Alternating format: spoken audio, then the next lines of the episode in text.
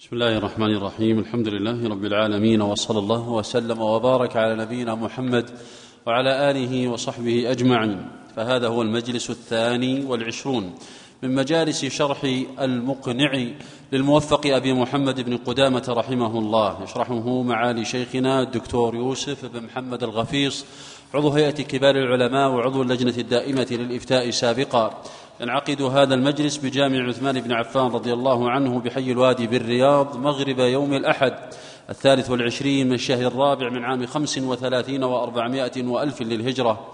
قال المصنف رحمه الله تعالى في كتاب الصلاة فصل ويكره الالتفات في الصلاة. الحمد لله رب العالمين وصلى الله وسلم على نبينا محمد وآله وأصحابه أجمعين. قال المصنف رحمه الله تعالى فصل ويكره الالتفات في الصلاة ذكر المصنف في هذا الفصل مكروهات الصلاة وبدأ بذكر الالتفات وهو من مكروهات الصلاة إذا لم يكن فاحشا. فإذا كان فاحشا بحيث استدار بجسده عن عن القبلة فهذا يخرج عن مادة وحكم الكراهة. وروت عائشة رضي الله عنها أن النبي صلى الله عليه وسلم سئل عن الالتفات بالصلاة فقال إنما هو اختلاس يختلسه الشيطان وهو اختلاس يختلسه الشيطان من صلاة العبد. ولا ينبغي الالتفات في الصلاة إلا إذا قامت مصلحة راجحة هذا ورد فيه من الأثر ما يدل على وقوعه لكن يكون ذلك عارضا نادرا ولمصلحة راجحة. نعم. ورفع بصره إلى السماء. وكذلك يكره رفع البصر إلى السماء لما جاء في حديث أنس أن النبي صلى الله عليه وسلم قال ما بال أقوام يرفعون أبصارهم إلى السماء في الصلاة. وقال عليه الصلاة والسلام لينتهن أقوام عن رفعهم أبصارهم أو لتخطفن أبصارهم. وهذا في الصلاة مكروه. هذا في الصلاة مكروه. وإن كان في الحديث أو لتخطفن أبصارهم أخذ منه بعض الشراح ما فوق ذلك لكن هذا بعيد أن هذا مما يكره في الصلاة. وكذلكم حال الدعاء فإنه لا يشرع رفع البصر إلى السماء حال الدعاء كذلك. وقال بعده وافتراش الذراعين في السجود. يكره أن يفترش ذراعيه لنهي النبي صلى الله عليه وسلم عن ذلك. قال إذا سجد أحدكم فليعتدل. كما جاء في الترمذي وغيره. نعم. والإقعاء في الجلوس وهو أن يفرش قدميه ويجلس على عقبيه وعنه أنه سنة. وعنه أنه سنة لأنه ثبت أن النبي صلى الله عليه وسلم نصب قدميه في الجلوس لكن هذا فعله عارضا. هذا فعله عارضا. والإقعاء الذي ذكره المصنف هو مما يقال إنه ترك للسنة. يقال إنه ترك للسنة. نعم. ويكره أن يصلي وهو حاق أو بحضرة طعام تتوق نفسه إليه. ويكره أن يصلي وهو حاق وهذا عند عامة العلماء. وتكلم بعضهم في تحريم ذلك وهو قول في مذهب الإمام أحمد.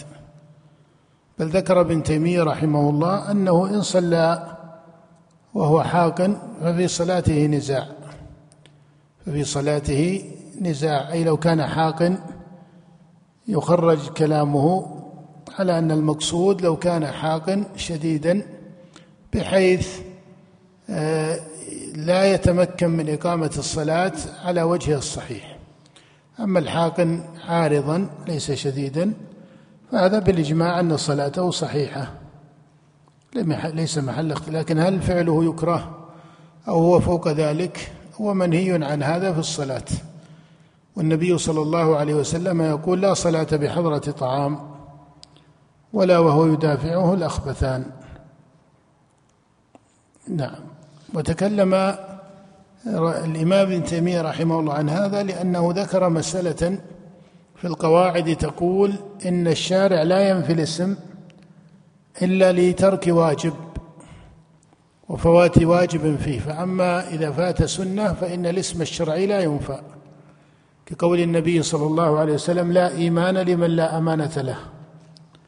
فهنا نفي الاسم فيقول إن الاسم في الشريعة الأسماء الشرعية كالإيمان والصلاة وغيرها لا ينفى الاسم الشرعي لترك مستحب فيه أو فعل مكروه بل لا بد أن يكون نفيه يدل على أن المتروك أن المتروك إيش؟ واجب. فهذا ذكره في التأصيل وذكر أنه قد يرد عليه في الاعتراض مثل حديث عائشة لا صلاة بحضرة طعام. وكأنه أجاب عن هذا بأنه ليس ثمة إجماع على أن هذا مكروه فقط بل إن قدرا منه إذا كان شديدا يكون مؤثرا حتى إنه حكى أن ثمة نزاعا بين الفقهاء في صحة الصلاة.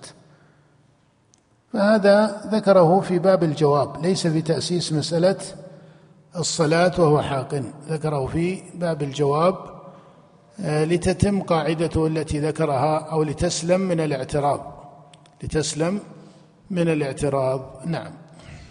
قال رحمه الله ويكره العبث والتخصر والتخصر والتروح وفرقعة الأصابع لكن ما ذكره المصنف في قوله أو بحضرة طعام تتوق نفسه إليه. أيضا هذا كذلك. لكن هذا مقيد بما إذا كان عارضا. أما أنه يكون شأنا غالبا أو أنه لا يبالي بمسألة إقامة الصلاة فهذا مما لا تتناهى فيه رغبات الناس. لكن محل المقصود في الشريعة أنه لو قدم له طعام تتوق إليه نفسه ولو لم يكن جائعا لكن نفسه تتعلق به ثم أكل منه ثم صلى صح ذلك.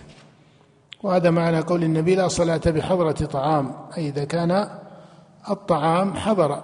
أما إذا كان الطعام ليس كذلك. إذا كان الطعام ليس كذلك فهذا مما ينتظر. هذا مما ينتظر. ولذلك المصنف قيده ليس بمطلق حضور الطعام بل قال طعام تتوق إيش؟ نفسه إليه. أما إذا كان طعاما لا تتوق نفسه به كأن قدم له التمر مثلا والتمر متيسر في كل الحال. وإنما ربما يأكل مجاملة لضيفه أو لمضيفه. هذا لا يقال إنه تتعلق نفسه به. نعم. ويكره العبث في الصلاة. والعبث مادة واسعة. فكل الحركة في الصلاة هي من العبث. الحركة في الصلاة الحركة في اللباس والحركة في الشعر. والحركة في الوجه وما إلى ذلك كل ذلك من العبث بالصلاة وهو مكروه لأنه ينافي حق الصلاة. ينافي حق الصلاة. نعم. وكذلكم التخصر كما جاء في الصحيحين أن النبي صلى الله عليه وسلم نهى أن يصلي الرجل مختصرا وهو أن يضع يده على خاصرته. فكل هيئة خارجة عن صفة الصلاة المشروعة فهي مما ينهى عنه وما يذكره المصنف ليس على سبيل الحصر وإنما على سبيل ذكر غالب ما يقع. نعم. وكذلك التروح بالقدمين وهو تحريك القدمين. تحريك القدمين بأن يقدم واحدة ويؤخر أخرى ويكثر من تحريك القدمين عن محلهما. فهذا مما ينهى عنه أيضا. وفرقعه الأصابع وتشبيكها. وفرقعه الأصابع وتشبيكها. أيضا كذلك مما يكره. يكره فرقعه الأصابع ويكره تشبيكها. إدخال بعضها في بعض. نعم. وله رد المار بين يديه. قال وله رد المار بين يديه. ولذلك مما يدل على مراعاة الشارع أن النبي صلى الله عليه وسلم لما صلى في خميصة أبي جهم وشغلته في صلاته حزبه الأمر عليه الصلاة والسلام وقال شغلتني أعلام هذه الخميصة. فردها وقال ائتوني بأنبجانيه بأنبجاني أبي جهم. وإن كان هذا يعني ما ذكر أو ما ذكر في الرواية من أعلامها هذا مما تختلف فيه أحوال الناس. فالمقصود يؤخذ من هذا الحديث المتفق على صحته أن النبي صلى في خميصة ذات أعلام فنظر إلى علمها ثم لما فرغ من صلاته قال إنه ألهاني في أشغلني في صلاتي. هذا يؤخذ منه أن كل ما يكون شاغلا للمأمومين خارجا عن المعتاد فإنه ينبغي اتقاؤه. ولذلك في بناء المساجد في بناء المساجد آه، ثمة أمران آه، بينهما فرق. حينما يعتنى في بناء المسجد بقوة البناء وتماسك البناء أو بقدر من الحسن المعقول الذي يعطي للمسجد قدر من الانتظام. تمام؟ فهذا مما درج عليه المسلمون وهو حسن. ولذلك هم حتى مسجد النبي صلى الله عليه وسلم لما بني كان بنسبة زمانهم يعتبر بناء حسنا. لا تكلف فيه لكن ليس فيه معاكسة للمألوف في الحسن. بمعنى أنه حسن حسنا مقتصدا لا تكلف فيه. فما كان ولذلك ابن عباس لما أراد لما احترقت الكعبة و عن ابن الزبير لما احترقت الكعبة استشار الناس في إعادة بناء الكعبة.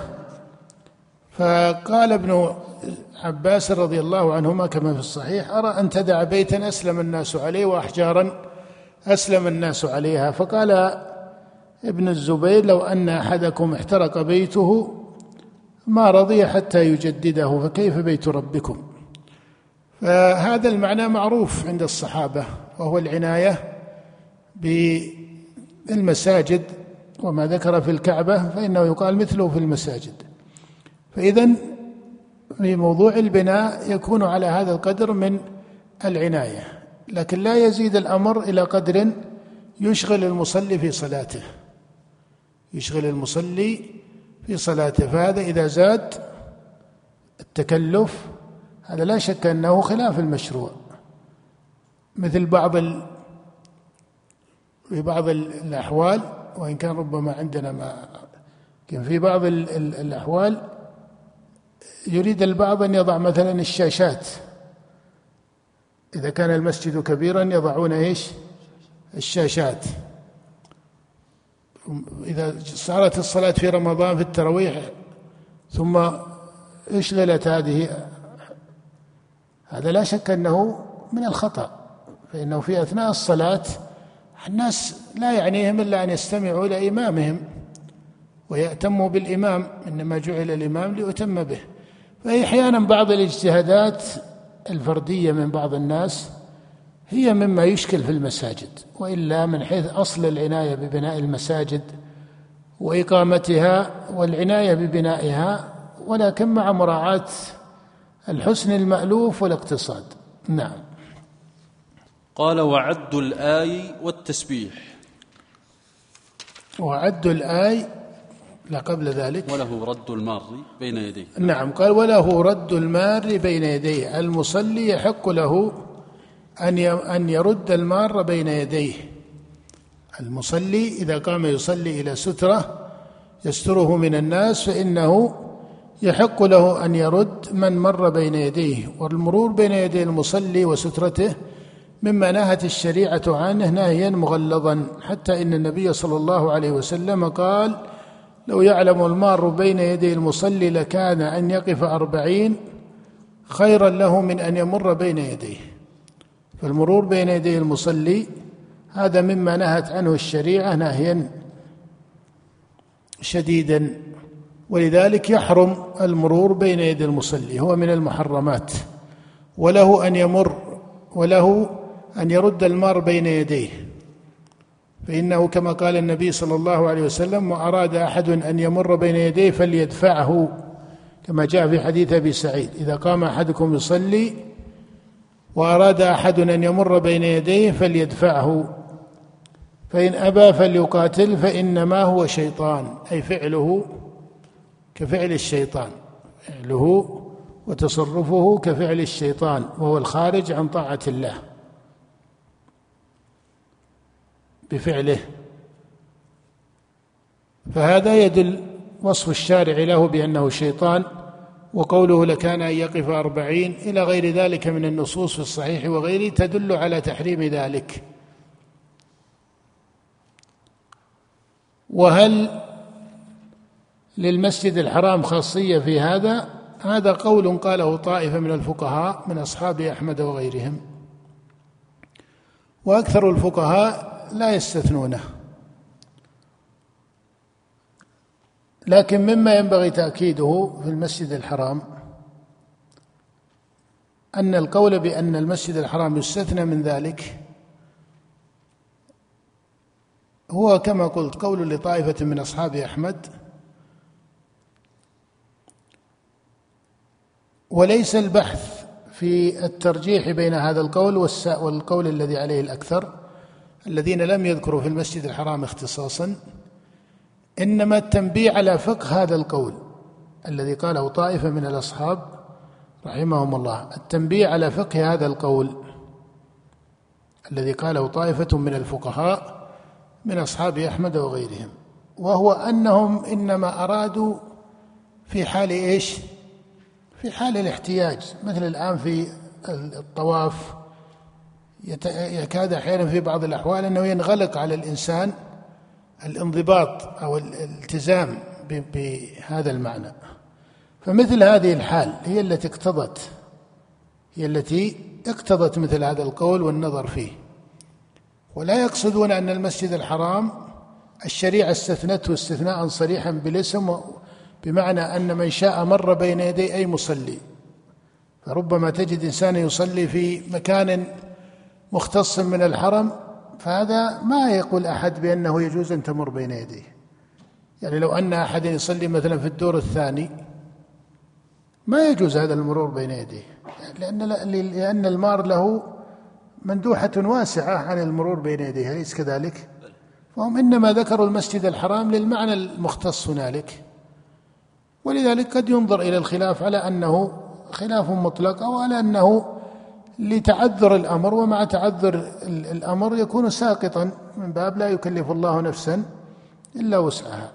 فهذا على كل حال هذه المسألة تبقى على هذا القدر. لا أن المسجد الحرام يباح فيه بل بل الأصل أن المسجد الحرام كغيره بل هو أولى من غيره في العناية بمقامه وحرمته وحرمة المصلي فيه إلى آخره.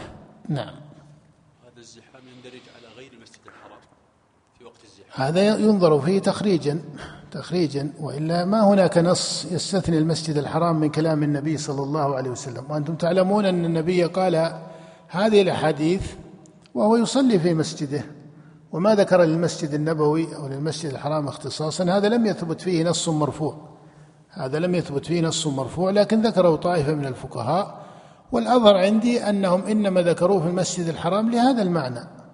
فحيث كان هذا المعنى موجودا يقع قولهم قائما يبقى قولهم قائما. وحيث كان المعنى منتفيا فلا أحد من الفقهاء قصد إلى أن يقول إن المسجد الحرام يجوز المرور بين يدي المصلي كيفما اتفق؟ هذا لا قائل به هذا لا قائل به. إنما هو فرع عن مسألة الحاجة الشديدة والاضطرار. نعم. وعد الآي والتسبيح. وقتل الحية والعقرب والقملة ولبس الثوب والعمامة ما لم يطل. فإن طال الفعل في الصلاة أبطلها عمدا كان أو سهوا إلا أن يفعله متفرقا. نعم. عد الآي كذلك. له عد الآي وله التسبيح.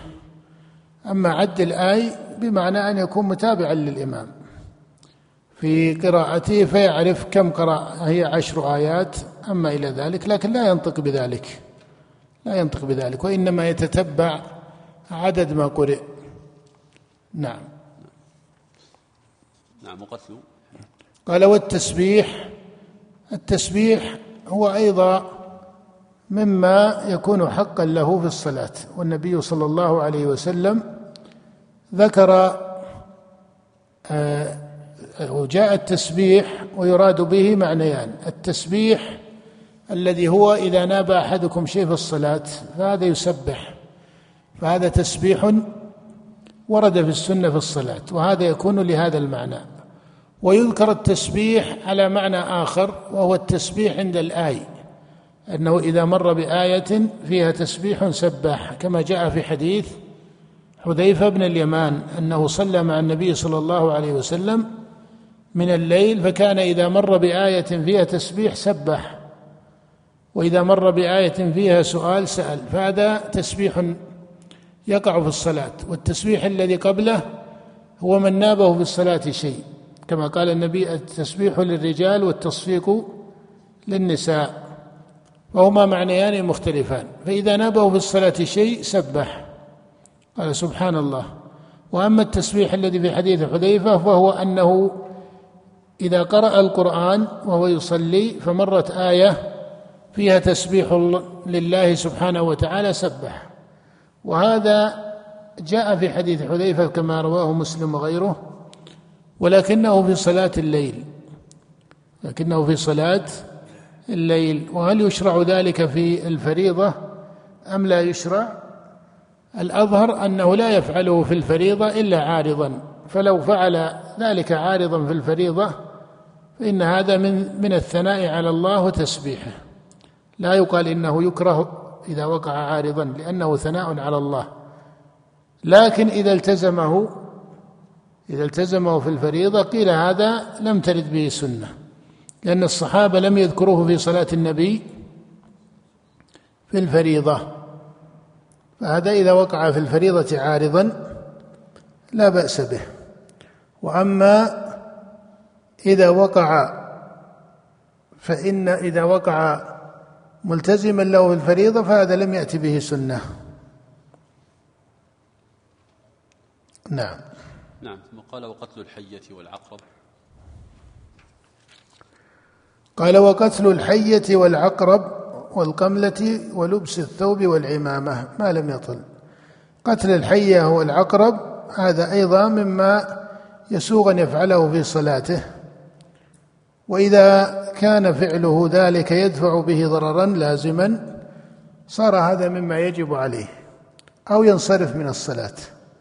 أو ينصرف من الصلاة. فإن استطاع أن يتقي ذلك بقتل الحية أو العقرب دون أن ينصرف من الصلاة فعل وإلا انصرف من الصلاة. ولا يلزمه أن يبقى في الصلاة وهو لا يتمكن من قتلها. لا يتمكن من قتلها أو لا يحسن قتلها أثناء الصلاة. كالإنسان أو كالمرأة إذا خافت أو الإنسان الذي لم يعتد على مثل ذلك فربما لا يكون متمكنا من قتلها فقد تؤذيه. فهذا يسوغ له أن ينصرف من صلاته بل إنه يؤمر بذلك دفعا للضرر عن نفسه. نعم.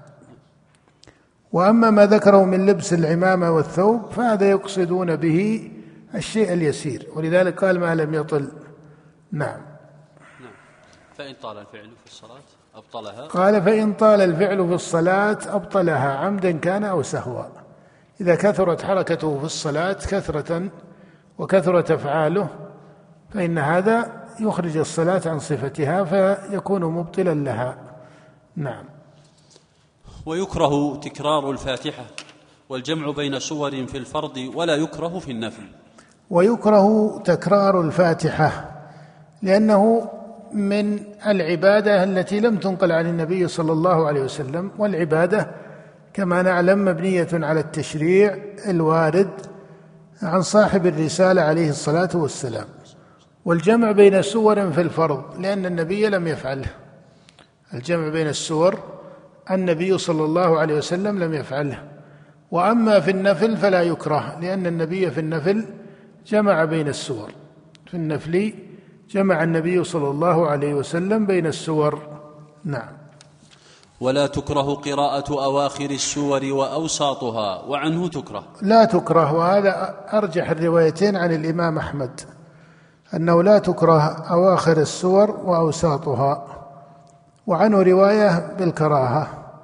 والراجح الأول لعموم قول الله تعالى فاقرأوا ما تيسر من القرآن. فلا يكره ذلك. لكن حين يقال إنه لا يكره فينبه هنا إلى أنه لا يكره ولكن لا ينبغي التزامه. التزاما يغيب به في أكثر حاله يغيب الإمام في أكثر حاله عن قراءة إيش؟ السور التامة. السور التامة أو القراءة من أوائل السور. فإن الغالب فيما نقل في صلاة النبي صلى الله عليه وسلم أنه يقرأ السورة كاملة. أنه يقرأ أو يبتدئ من أول السورة أو يبتدئ من أول السورة. فهذا مما يذكر به أن لا يلتزم قراءة أواخر السور وأواسط السور. فإذا التزم فهذا لا شك أنه مما يكره لأن فيه تركا لسنة ظاهرة. وأما إذا كان يفعله أحيانا فأقوى الروايتين عن الإمام أحمد رحمه الله أنه لا يكره وهذا هو المشهور في مذهب الإمام أحمد رحمه الله. نعم. ولعموم قول الله فاقرأوا ما تيسر منه. نعم. وله أن يفتح على الإمام إذا ارتج عليه وإذا نابه شيء مثل سهو وله أن يفتح على الإمام إذا ارتج عليه. تلاحظ أن المصنف قال وله ولم يقل وعليه. فهذا مما يشرع للمأموم أن يفتح على الإمام. ويجب إذا كان ذلك في ركن الصلاة أو واجبها. في ركن الصلاة أو واجبها وهي الفاتحة. وهي الفاتحة فإنك تعرف أن فيها خلافا. فالفاتحة يجب عليه أن يفتح الإمام. لو مع يسرها لكن لو ذهل الإمام لو ذهل الإمام حتى تداخلت عليه بعض آيات الفاتحة أو شيء من ذلك ففي الفاتحة لا بد من ذلك عليه ذلك في الفاتحة. بخلاف ما زاد على الفاتحة فإن هذا مما يشرع ولا يجب. نعم. وإذا نابه شيء مثل سهو إمامه أو استئذان إنسان عليه سبح إن كان رجلا وإن كانت امرأة صفحت ببطن كفها على ظهر الأخرى. نعم إذا ناب هذا التسبيح الذي ذكرناه قبل قليل. قال وإذا نابه شيء كسهو إمامه أو استئذان إنسان عليه سبح. هذا التسبيح الثاني المذكور في قول النبي صلى الله عليه وسلم التسبيح للرجال والتصفيق للنساء. والمرأة تصفق تصفيقا معتدلا. وذهب طائفة إلى أن المرأة تسبح إلى أن المرأة تسبح كما يسبح الرجل لكن السنة مضت بالأول. وهو رواية جاءت في الصحيح وغيره بل في الصحيحين أن النبي صلى الله عليه وسلم أمر المرأة بالتصفيق أمر المرأة بالتصفيق. أما الرجل فهو الذي يسبح. نعم. وإن بدره البصاق بصق في ثوبه وإن كان في غير المسجد جاز أن يبصق عن يساره أو تحت قدمه. نعم هذا خارج المسجد أما في المسجد فلا يجوز ذلك. وخارج المسجد هذا أيضا يراعى فيه الأدب هذا يراعى فيه الأدب ولذلك البصاق في طرقات الناس وممارهم هذا خلاف الأدب وخلاف الخلق الذي يليق بالمسلم. نعم. ويستحب أن يصلي أما في المسجد فهو مما يحرم في المسجد مما يحرم ولهذا سماه النبي خطيئة البصاق في المسجد خطيئة. نعم. ويستحب أن يصلي إلى سترة مثل آخرة مثل آخرة الرحل. نعم مثل آخرة الرحل. أي أن اتخاذ السترة في الصلاة هذا مما يشرع. اتخاذ السترة في الصلاة هذا مما يشرع. وقال طائفة من أهل العلم بوجوب ذلك. وأخذوا الوجوب من أمر النبي صلى الله عليه وسلم بذلك. وهذا قول بعيد. والراجح أن السترة في الصلاة هي من سنن الصلاة وليست من واجباتها. هي من سنن الصلاة وليست من واجباتها.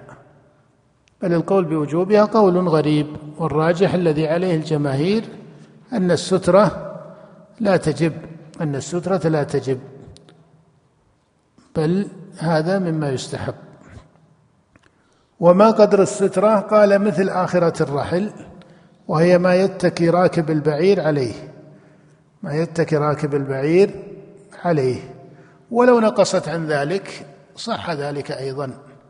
لو نقصت عن ذلك أو زادت من باب أولى فكل ذلك واسع. لكن ينبغي أن تكون على مثل هذا القدر. وكان النبي صلى الله عليه وسلم يصلي إلى العنزة.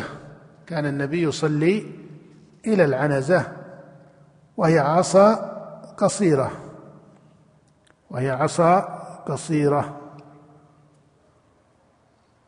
والصلاة إلى السترة سنة مؤكدة عن النبي صلى الله عليه وسلم. فعامة ما نقل أنه كان يصلي إلى سترة. ولكن هذا ليس واجبا. وصلى بمنى إلى غير جدار كما جاء في صحيح البخاري من حديث ابن عباس لكن لا يظهر أن المقصود هنا أن النبي صلى الله عليه وسلم كان يفعله في كثير من حاله وإنما وقع عارضا. فهل المقصود هنا أنه إلى غير جدار إلى غير سترة؟ هذا ظاهر الخطاب. لأن ابن عباس رضي الله عنهما الوصف الطردي هذا لا معنى لذكره.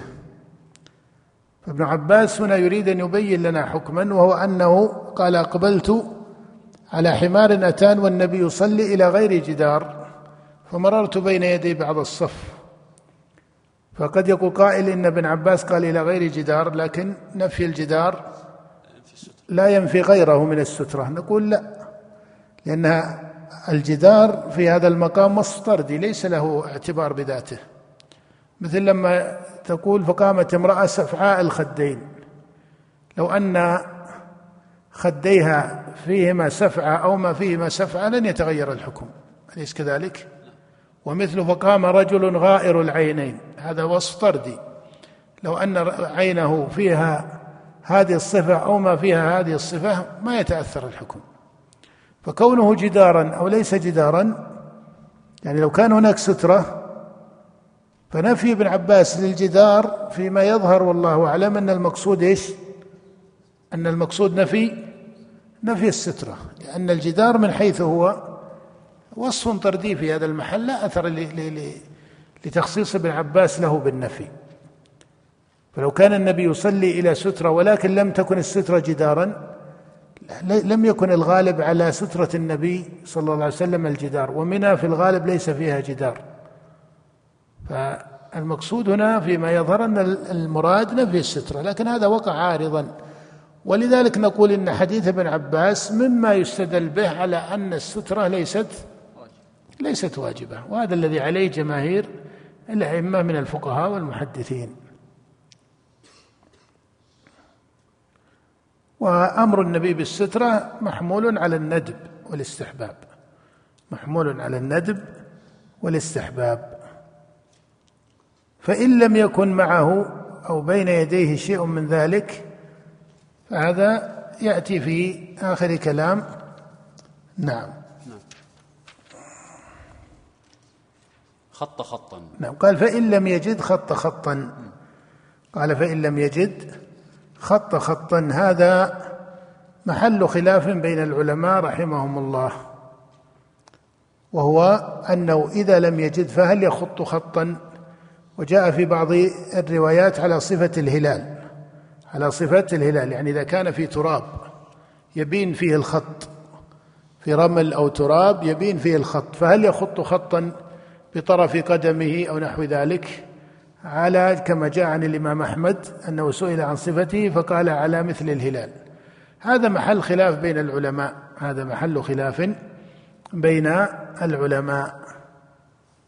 وصورته واضحة أنه إذا كانت الأرض رملا أو ترابا خط بطرف قدمه كإبهامه من رجله خط ما يكون على صفة هلال بين يديه وصلى هذا إذا لم يكن عنده سترة. فهل يفعل ذلك أو لا يفعله؟ هذا محل خلاف. طائفة من أهل العلم كمالك وأبي حنيفة لم يروا هذا الفعل وأنكره الإمام مالك لما سئل عنه. والقول الثاني وهو مذهب الإمام أحمد. واحد القولين للشافعي أنه يفعل ذلك أنه يفعل ذلك. والراجح ما ذهب إليه الإمام أحمد رحمه الله لأن الحديث الوارد في ذلك حديث حسن وقد احتج به الإمام أحمد في أجوبته ومسائله. فهذا مما لا يقال بالرأي ولا يقال بالقياس. احتج به الإمام أحمد رحمه الله في أجوبته ومسائله. نعم. نعم. فإذا مر من ورائها شيء لم يكره وإن لم تكن سترة فمر بين يديه الكلب الأسود البهيم بطلت صلاته. وفي المرأة والحمار روايتان. نعم. المرور بين يدي المصلي تبين حكمه فإن مر بين يديه غير الثلاثة لم تبطل صلاته إجماعا. إذا لم يكن المار بين يديه امرأة أو حمارا أو كلبا أسود فهذا بالإجماع أن الصلاة لا تبطل. أما إذا مرت المرأة أو الحمار أو الكلب الأسود فهذا جاء في حديث أبي ذر أن النبي صلى الله عليه وسلم قال فإنه يقطع صلاته الحمار والمرأة والكلب الأسود. هذا جاء في حديث أبي ذر رواه الإمام مسلم وغيره. وهو حديث محفوظ ثابت. لكن هل القطع هنا يعني الإبطال؟ هل القطع هنا يعني الإبطال؟ الراجح أنه ليس كذلك. وإنما القطع هو مادة من النقص. تصاحب هذه الثلاث أكثر مما تصاحب تصاحب هذه الثلاث أكثر مما تصاحب غيرها أما المرأة فلأن الرجل والمرأة الرجل والمرأة هما مبدأ العلاقة بين البشر من جهة الولد وما إلى ذلك فقد يتعلق الرجل لا يتعلق برجل أليس كذلك؟ الرجل ليس مظنة يتعلق بالرجل لكن مظنة يتعلق بإيش؟ بالمرأة مظنة يتعلق بالمرأة. فهذا أثره أبلغ مما لو كان المار مما لو كان المار رجلا. وليس هو مقاربة للمرأة مع ذكر الكلب والحمار هذا ليس له علاقة من هذا الوجه أبدا. وليس هو تشبيه للمرأة بالبهيم أو بالحيوان. إنما المقصود مادة التعلق ومثله الكلب فإنه يشغل. ومثله الكلب وهو مما يعتاد عندهم. وهو عن الكلب أيضا جاء فيه في الشريعة ما جاء فيه من الأوصاف كما نعلم ونهي عن اقتنائه وما إلى ذلك. والكلب هنا ليس مطلق الكلب وإنما خاص بالكلب إيش؟ الأسود. ولذلك ولذلك فإن الكلب الأسود كما جاء في حديث أبي ذر لما قال سألت رسول الله كما سألتني فقال الكلب الأسود شيطان. أي فيه مادة من الشر أكثر من غيره. فيه مادة من الشر والأذية أكثر من غيره. والحمار كذلك والحمار كذلك. ولذلك أمر النبي صلى الله عليه وسلم أمر النبي صلى الله عليه وسلم عند سماع نهيق الحمار بالتعوذ بالله من الشيطان. فهذه أمور متصلة بما لا نعلم مما يقع في الكون. هذه أمور حكمة الشريعة لا يلزم أن نحيط بسائرها لكن هذا ما يشار إليه مادة من هذه الحكمة. ولكن على كل تقدير من حيث الحكم التكليفي الراجح وهو الذي عليه الجمهور من العلماء وهو مذهب الأئمة الثلاثة وإحدى الروايتين عن الإمام أحمد رحمه الله أن الصلاة لا تبطل بمرور شيء. لا الكلب الأسود ولا المرأة ولا الحمار. وهذا هو الصحيح أن الصلاة لا يبطلها شيء. وليس في الأدلة الشرعية ما يدل على البطلان إنما الذي جاء في الأدلة أنه يقطع الصلاة كما جاء في حديث أبي ذر. وقطع الصلاة حرف أي جملة لا تدل على البطلان لغة. لا تدل على البطلان لغة. ولذلك هم من قال إن حديث أبي ذر حديث صريح في بطلان الصلاة لأن النبي صلى الله عليه وسلم قال فإنه يقطع صلاته الحمار والمرأة والكلب الأسود. نقول ليس كذلك هذا حرف ليس صريحا بل ولا ظاهرا والراجح أنه لا يدل على البطلان وإنما القطع لغة لا يلزم منه ذلك. وأحرف النبي صلى الله عليه وسلم تفسر بموجب قواعد الشريعة ونصوصها الأخرى. نعم. ويجوز له ولذلك تكلمت عائشة رضي الله عنها وقالت إن النبي كان يصلي وهي بينه وبين القبلة مضطجعة إلى آخر ذلك. نعم. ويجوز له النظر في المصحف. وإذا قال ويجوز له النظر في المصحف. ويجوز له أو قبل ذلك قال وإن لم يكن سترة فمر بين يديه الكلب الأسود بطلت الصلاة. هذا في إحدى الروايتين عن الإمام أحمد. في إحدى الروايتين عن الإمام أحمد والراجح كما سبق وهي الرواية الثانية عن الإمام رحمه الله أنها لا تبطل. وقال وفي المرأة والحمار روايتان. وسبب تردد الإمام أحمد في مسألة الحمار والمرأة أن الحمار جاء في حديث ابن عباس والمرأة جاء في حديث عائشة رضي الله تعالى عنها. نعم. نعم. ويجوز له النظر في المصحف؟ قال ويجوز له النظر والراجح أنه حتى في الكلب في خلاف في المذهب. هذا ليس إجماعا في المذهب. نعم. ويجوز له النظر في المصحف؟ ويجوز له النظر في المصحف. أي أيضا هذا مما يباح لكن هذا خاص بالنافلة. هذا خاص في النافلة. لا بأس أن يصلي بالناس. النافلة والقيام أما الفريضة فلا ينبغي ذلك. الفريضة لا ينبغي ذلك وليس مأثورا عن أحد من السلف فعله. نعم. وإذا مرت به آية رحمة أن يسألها أو آية عذاب أن يستعيذ منها وعنه يكره ذلك هذا في النفل كما جاء في حديث حذيفة إذا مر بآية فيها تسبيح سبح وإذا مر بآية فيها سؤال سأل. حديث حذيفة رواه مسلم وغيره. وهل يفعله في الفرض؟ هذا محل خلاف والراجح أنه لا يشرع في الفرض إلا عارضا فلو فعله عارضا فإنه لا يقال بكراهته. أما لو التزمه فإن هذا لا يشرع لعدم فعل النبي له في الفرض. نقف على قول المصنف فصل. وبالله التوفيق.